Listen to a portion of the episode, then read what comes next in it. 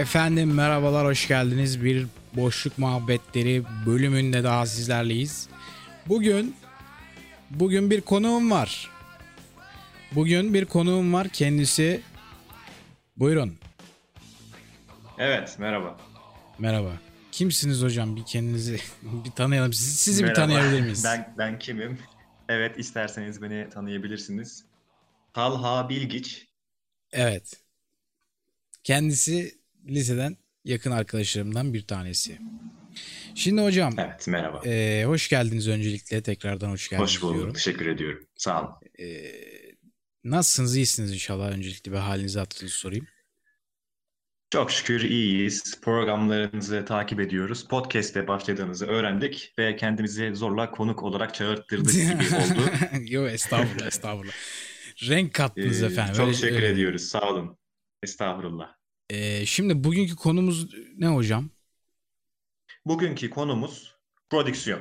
Prodüksiyon nedir ve özelde de Cem Yılmaz'ın e, son filmlerinden aslında son uzun metraj filmi diyebiliriz. Arif ve Ee, 216. Arif ve 216. Arif ve 216'nın prodüksiyonu üzerinden bir prodüksiyon konuşması yapacağız. Bir de öncesinde Evet. ben e, bu genel olarak bir niye podcast dinliyoruz, niye podcast yapıyoruz, niye seviyoruz bununla ilgili ben kendimce bir şeyler söylemek istiyordum. Tabii. Şimdi yani podcast baktığın zaman hani bir işte en temelde ses kaydı demek yani kulağa hitap eden bir şey. Ve hani bir bu bir muhabbet şeklinde olabilir, bir mülakat şeklinde veya işte bir e, dil eğitimi amacıyla kullanılabiliyor, dil öğrenme amacıyla bir dinleme metni olarak. Yani ben mesela niye seviyorum? Böyle mesela bir iş yaparken veya işte uzun yoldayken falan böyle otobüste, arabada e, o böyle hani insanın kulağında böyle bir muhabbet akıyor olması o böyle o hani biraz daha yapılan işe odaklanmayı sağlıyor ve güzel de bir muhabbet varsa bazen bu tek kişi olabilir. Monolog halinde veya işte birden fazla kişi. E, böyle güzel bir muhabbet oluyorsa mesela o biraz daha insanı rahatlatan bir şey. Ben bu açıdan bir de özellikle ben e, uykuya dalarken benim çok işime yarıyor böyle. Beni uyutuyor mesela. Ben Podcast o açıdan dinlemek. podcast'i seviyorum. Allah Allah. Müzik dinleyerek uyanı, uyuyanı duydum da podcast dinleyerek uyuyanı ilk defa duyuyorum açıkçası. Valla ben de o işte bu pandemide falan biraz daha öyle oldu. Şu bu pandemide biraz daha hani işte e, uyanma, yatma saatleri böyle kayınca işte uykuya dalmak bir problem olunca ben mesela podcast benim o anlamda işime yaradı. İşte bu e, şu anda işte meşhur Kalt falan var. Onların podcastleri. Evet evet. Veya işte şu an şey var mesela podcastlerde bu İbrahim Selim'in yaptıkları Hmm, var. hı. Tabii o, o biraz daha böyle sanki o böyle şeymiş gibi bir görsel bir şovun radyo programı gibi onun böyle bir işitsel hali gibi yapmışlar. Böyle arada efektler falan var onda. Ha, anladım. Onlar oluyor veya böyle bir de tarih sohbetleri hoşuma gidiyor. Onlarla böyle o bana yardımcı oluyor yani. Uyurken podcast dinliyorsun yani. Yani uykuya dalmaya yardımcı olması için. Ha, anladım. Yani bir nevi ninni vaziyeti ninni vazifesi yani- görüyor olabilir mi? Yani evet yani küçükken ilk doğduğun zamanlarda ninni oluyor işte yuvada yavru kuş falan. Biraz daha büyüyünce böyle Fatih Altaylı, Celal Şengör tek tek tarih sohbetleri. Mesela Celal Şen- e, öyle bir program öyle bir podcast var mı ya? Fatih Altaylı ile Yok, Celal Şengör. yani podcast olmuyor. O hani program kaydı oluyor, video kaydı. Onu böyle podcast yapıp dinliyorsun hani. Onu böyle yüzüstü koyup telefonu böyle Ha, anladım. dinleyerek Anladım. podcast yapıyorsun onu. Benim için podcast'in böyle bir önemi var yani. Anladım hocam. Şimdi ben neden podcast yapıyorum? Ee, onu söylemeyeceğim tabii ki. Merak etsinler. Ee, podcast böyle bir güzel bir şey. Evet. Arif ve 216'nın Güzel şey. belgeselini izledin herhalde diye düşünüyorum. Evet zaten e, aynen o Cem Yılmaz yine bu pandemi zamanında onu YouTube'a koymuştu. YouTube kanalından işte neydi ismi? Yapmışlar ama nasıl? Evet evet. Evet. İsmi oydu böyle işte 4-5 bölümlük. Arif 216'nın böyle o prodüksiyon kısmını, o kamera arkası dediğimiz yani o zaten film böyle bayağı efektli, kostümlü bir şey. E, oradaki her kostümdeki böyle ince bir ayrıntı, her mesela bir dövüş sahnesi için yaptıkları bir özel eğitim falan, e, makyajlar çok böyle benim ilgimi çekmişti yani. Hani böyle hani takdir ediyor insan o koyduğu emeği. O böyle benim bir prodüksiyona olan ilgimi arttırdı. Sen zaten bu konulara ilgilisin. Evet. Benim çok hoşuma gitti yani anlamsızca. Çünkü o hani zaten hani o bir seviye yani bir marka Cem Yılmaz. Evet. Yaptığı işe olan o saygısı, o uğraşı benim e, bayağı hoşuma gitti. Yani o her işte hani yaptığın iş ne olursa olsun insana bence bir örnek yani. Cem Yılmaz gerçekten Türkiye'de e, yaptığı işlerle e, bir kalitesini, farkını ortaya koyuyor Hmm. genelde. Yani son yaptığı filmlerde, kara komik filmlerde bu e, pek yapamadı mı yoksa yanlış mı? İnsanlar farklı bir beklentiye girdi herhalde. Cem Yılmaz filmi. Hadi gidelim de biraz gülelim diye gidip de herhalde ağlayarak mı çıktılar? Bir değişik bir şey oldu. Bir dram, bir komedi olduğu filmler değil mi orada? Evet, ilk bir şey yarı yani kara ve komik. Evet evet. Ya kara mizah falan diye ilk başta bunun reklamı yapılmıştı. Ama e, kara mizahı da tam tutturamadı. Yani bir, bir değişikti o filmler, kara komik, kara komik filmler. Ya ben onlarla ilgili fikrimi söyleyeyim mi? Bana şöyle geliyor. Sanki o e, projeyi şöyle yapmış gibi oldu yani. Hani mesela işte baktığın zaman Gora, Arok, işte Yahşi Batı falan bu biraz daha böyle büyük filmleri böyle. Yani onlara böyle bir uğraş gösteriyor. Ama bu e, son projesi Kara Komikler sanki hep böyle aklında böyle bir şey varmış da hep böyle bir buna böyle bir imkan ve zaman bekliyormuş da o zaman ve imkanı bulunca sırf aklındaki o projeyi yapmış olmak için o kafasındaki o senaryo taslaklarını film haline getirmek ve bu projeyi yapmak için herhangi bir kaygı gütmeden bence bunu yaptı. Zaten anlatıyor yani o işte Okan Bölge'nin programında demişti o deli vardı ya Hı hı. işte en çok beğenilen de oy- oymuş zaten eee, insanların söylediğine göre. O, o şey demişti benim çok eskiden böyle yazdığım böyle taslak halinde bir senaryo böyle beklemişti işte onu şimdi ben çekmeye fırsat buldum gibi anlatmıştı. Ama bu öyle geldi hani bir kaygısız bir şekilde sadece o aklındaki o projeyi yapma amacıyla yapmış gibi olduğu için Evet çok evet. da bence ben taktığını düşünmüyorum kafasına o gişedeki durumları. Yani o biraz şey gibi. Mesela o hissi ben de biliyorum. Mesela ben Hı, değil mi? eskiden çünkü şey yapardım işte. aynı şey değil tabii ki. Ama o his açısından e, kişiye verdiği his açısından benzer diye düşünüyorum. Şöyle bir örnek vereyim. Ee, ben eskiden Instagram'a küçük böyle bir dakikalık videolar çekiyordum. Duvar olmak istiyorum ben. Mesela o gerçekten Evet, sevilen videolardan bir tanesiydi. Ee, mesela çekip daha sonrasında bunu ben bunu beğenmedim ya. Çünkü yani çekerken güzel oluyor. Şey yapıyorsun. Ya bu fikir komik ya falan diyorsun. Ee, ama onu montajlayıp oturup tamamını izlediğinde bir bütün olarak Hı. pe o kadar da komik olmayabiliyor yani. Ee, böyle benim vazgeçtiğim birkaç tane video oldu. Ama dedim ki ulan sanki sinema filmi mi yapıyoruz anasını satayım yani ne gerek var yükle gitsin falan şeklinde bir anlayışa e, evrildi daha sonra bu konudaki düşüncem. Ve daha sonra gerçekten e, yani bu ne kadar like alır, şöyle mi olur, izleyenler beğenir mi veya ne bileyim işte, işte Talha beğenir mi, Ömer beğenir mi, abim şu bu falan beğenir mi şeklinde bir düşünceye hiç girmeden ben bunu beğendim mi? Beğendim. At abi o zaman. İşte e, burası bence komik. Bence komik mi? Komik. O zaman paylaşıyorum. Bu kadar. Bitti. Bu, bu hisle belki Cem Yılmaz da gitmiş olabilir. Kara komik Evet, evet. filmlerin Yani şey gibi hani böyle bir seyircinin cidden böyle beğenip beğenmeyeceğine dair bir kaygı değil de önemli olan kendisinin tatmin olup olmaması Evet gibi. evet. Çünkü belli zaten. Bunlar zaten kendisi de söylüyor. Senin dediğin gibi çok eskiden yazdığı Evet. senaryolar. Hatta bir tanesi galiba Hokkabaz zamanından kalma bir senaryoymuş. Hangisi olduğunu hatırlamıyorum. Öyle bir şey. Hepsi eski yani aynen. Evet. Ee, yapmak istediği şey de hem böyle işte hafif dram He. ve- Zaten bak baktığın zaman ilk filmi şey vardı ya işte Master'dan sonra her şey çok güzel olacak. O da Evet, aslında baktığın evet, zaman yani evet, saf evet. komedi O da değil öyle. yani. Dram hep vardı onda. Ve bence gayet de iyi oynuyor ya dramı. ben Tabii beğeniyorum canım Cem Yılmaz çok iyi bir oyuncu. Oyuncu yani. O olarak Cem Yılmaz kısımları falan böyle. Cem Yılmaz'ın kendi filmlerini geçtim. Av mevsiminde öyle bir oyunculuğu var Oo, ki Tabii. yani Yani Şen'le beraber değil mi? Aynen. tabii canım yani Cem O, Yılmaz o arıza pis polis rolünde çok hoş oynuyor. Cem Yılmaz oyuncu olarak, aktör olarak çok iyi bir aktör. Aynen. Ee, yaptığı işleri de severek izliyoruz efendim. Ama Aynen. çok da böyle fan olarak fanı fanı değilim onu söyleyeyim. Neyse. Ama Arife 216'da mesela sen dedin ki e, bu dövüş sahnelerine çalışılma falan Hı. filan olsun. Dövüş sahneleri bence o kadar iyi değildi. Çünkü Türkiye'de bence yeterin yeteri kadar bu dövüş sahnesi, koreografisi oluşturan insanlar yok. Yeteri kadar yok. Var tabii ki var ama e, yeteri kadar yok veya yeteri yeteri yeterli tecrübeye sahip değiller. Ve e, uygulandığı zaman da filmlerde ortaya böyle çok ne ne çok kötü ne de çok E, iyi. anladım, evet seni. Böyle ortalama vasat bir bir sahne çıkıyor. Bir koreografi çıkıyor ortaya.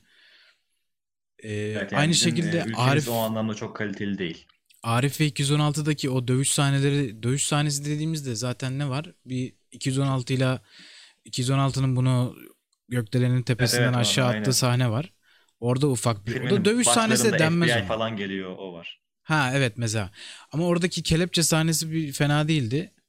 Ee, onun dışında şey çok böyle bir dövüş sahnesi zaten yok filmin içinde. Zaten bizim ülkemizde dövüş sahnesi içeren film de pek çekildiğini ben görmedim yani. Böyle içinde abi mükemmel bir dövüş sahnesi var. Hadi izleyelim şu filmi diye ben hiçbir Türk filminde böyle bir şey görmedim. Yani bir de bizim eskiden beri o işte o Cüneyt Arkın'la aklımızda kalan o hani çok böyle Hı hı. rol olduğu belli olan şeyler var ya. Evet, Şeydi evet. o beni. fi- Filmdeki konu o dövüş sahnelerine çalışmada şeyi bahsetmişti. O herhalde bir Fransız bir adam gelmiş onları çalıştırmış. Hani 69'da geçiyor ya. Ve Evet. her o yıllara göre, çağlara göre farklı stiller varmış. Onlara çalışmışlar. O benim ilgimi çekmişti.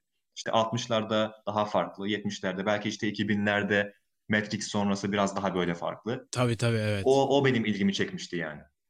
Yani zaten Matrix çıktıktan sonra o Hı. şu havada karakteri dondurup etrafında böyle kamerayla gezme olayı Hı hı hı. e, 360 derece.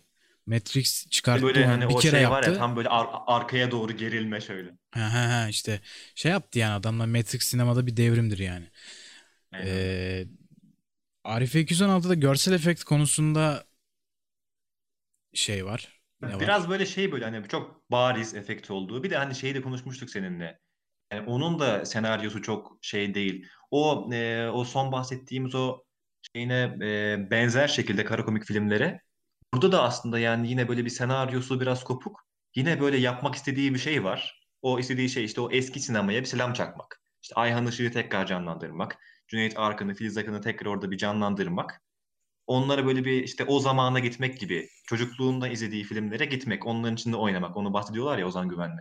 Evet evet. İşte ama o senaryosu yine bir yani bir Gora gibi değil yani. O kadar böyle bir bütünlüklü, daha sürükleyici Evet. bir senaryosu yok. Yani mesela ben filmi izlerken Arife 216'yı sinemada izlerken e, filmin başı bence iyiydi yani. Ben memnun memnunum İyi filmin başında. Yani özellikle şey sahnesi e, bu Arif'in evinin bulunduğu mahalleyi komple orası set zaten. Yeni bir mahalle kurmuşlar. Böyle Amerikan tarzı bir mahalle. Böyle herkes müstakil Aynen. evler falan var. Ee, ama mesela oralarda da anlamadığım şakalar vardı. Neden orada olduğunu anlamadığım şakalar vardı. Mesela arkasına dönüp Wolverine gibi bıçak çekiyor. Evet ben herhangi bir X kişi miyim? He yani diyordu. niye var ki böyle bir şaka? Hadi Verme yapıyor ama hani ne alaka anlamadım. ben çok herhangi bir- yani. ben herhangi bir X kişi miyim dedikten sonra kameranın sağında solunda X-Men'le bizim ilişkilendirebileceğimiz bir karakter görünse okey. Ama Arif'ten neden böyle adamantium bıçakları çıkıyor? Yani Acaba niye şahsen sevdiği bir seri mi X-Men? Ne bileyim aklıma geldi yani. Sevdiği bir film serisine selam göndermek gibi ama hani o e, daha çok 69'daki o Türk sineması o ortama bir e, daha çok yoğunluğu olduğu filmde X-Men orada biraz alakasız duruyor yani. yani X, X kişi miyim demesi tamam hiçbir sıkıntı yok bunda. Ama ne bileyim yani o bıçak çıkarma olayı gayet gereksiz. Ben yönetmen olsam mesela veya Cem Yılmaz'ın yerinde olsaydım muhtemelen onu yazarken çok o gülmüştür, hoşuna gitmiştir yazarken. Ama montajda onun çıkması gerekiyor mesela. O şakanın oradan çıkması Ha, gerekiyor. evet hani aynen mesela bazen böyle sen e, da, konuya daha çok hakimsin böyle filmlerde böyle hani bazı sahneler çıkartılır yani işte hani daha Evet, uygun evet. olmadığı için vesaire. Evet o çıksa da olurmuş yani. Benim mesela şey hoşuma gitmişti. E, yine o belgeselde böyle şeyi gösteriyor. Daha şey aşamasında işte sen- senaryo yazılmış. proje aşamasında böyle o masada böyle senaryoyu okuyor insanlara Cem Yılmaz böyle işte şöyle olacak böyle olacak diye. Hani orada tabii çok heyecanlı böyle o heyecan Evet çok evet. müthiş. Şey diyor böyle işte o 69'a ışınlanacaklar diyor böyle tam böyle yüzüne işte çat diye gazete gelecek diyor. O tam o canlandırdığı şeyin aynısı mesela filmde var. Evet. O Evet. gazete geliyor. O böyle bence çok hoş bir ayrıntıydı. Tam o hani aklındaki o oluşturduğu hayal filmde tam böyle canlandırmış orada. Ya bu gazete gazete şakası zaten e, çok iyi bir şaka. Benim çok hoşuma gitti filmi izlerken yani. Ve sürekli çıplak gidiyor bir yerlere. Evet. Altında Azeri donuyla. Ne, a, e, ne Azeri donu mu? Pardon. Normal Ya donuyla. işte, normal don aynen. Teyze donu. E, aynen teyze donu diyelim. E, o gaz yani o filmi anlatma olayı ben mesela yine kendimden örnek vereceğim. E, bazen video işte video çekiyorum mesela ama bazen aklıma böyle kendim çekemeyeceğim videolar geliyor. Yani hareketli kamera Hmm. olması lazım. Kameranın böyle bir şekil bir böyle bir kameranın bir hareket yapması lazım. Ve genelde aynen ama ben tek kişi olduğum için yok yani. Kamera illa bir tripod olması lazım. Tripoda koyacağım da o şekilde duracak falan filan. Öyle sıkıntılar oluyordu. Ben mesela abimi ikna etmeye çalışırım genelde. Ee, hadi video çekelim falan diye. O da e, biraz mırın kırın edip sonra kabul eder. Sonra ben anlatırım ona. Aynı bak o belgeseli izlerken yani o Cem Yılmaz'ın insanlara senaryoyu anlattığı sahneyi Heyecanla böyle. Şöyle birebir olacak böyle olacak. evet evet. Birebir olarak ben abime çekeceğimiz videoyu e, nasıl olacağını falan onu anlatıyorum. Orada onu izlerken aklıma direkt olarak o geldi yani. Aa dedim bu benim şey halim. Zengin halim falan. Değil mi? Evet.